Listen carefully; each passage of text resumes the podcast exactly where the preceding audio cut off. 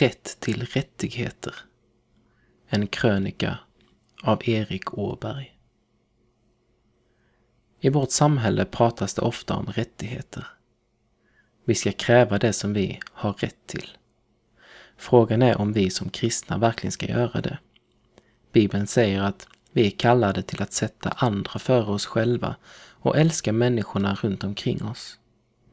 I Lukas 6 kan vi läsa om hur Jesus berättar om hur vi ska hantera olika situationer där vi blir orättvist behandlade.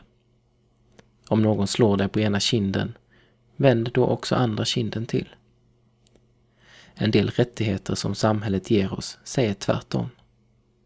Det jag menar är rättigheter som vi har chans att ta ut varje dag. Exempelvis rättigheten att bli arg på den som gör fel mot mig. Det kan kännas som en rättighet att snacka skit om eller börja skrika på den som gjort fel.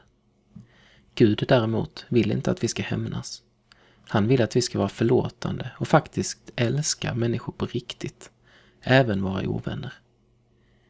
Min förhoppning är att vi inom kyrkan inte ska ta ut vår rättighet att hämnas eller slå tillbaka.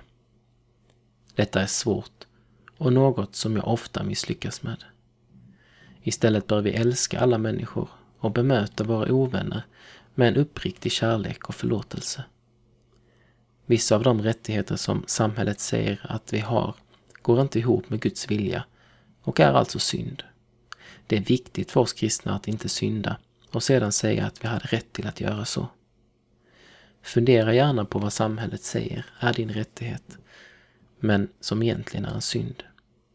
Vi kristna har kanske inte rätt till allt som samhället säger att vi har. Men vi har rättigheten att säga att vi är Guds barn och att vi har ett hopp om himlen. Johannes 1, vers 12. Det slår alla världens rättigheter.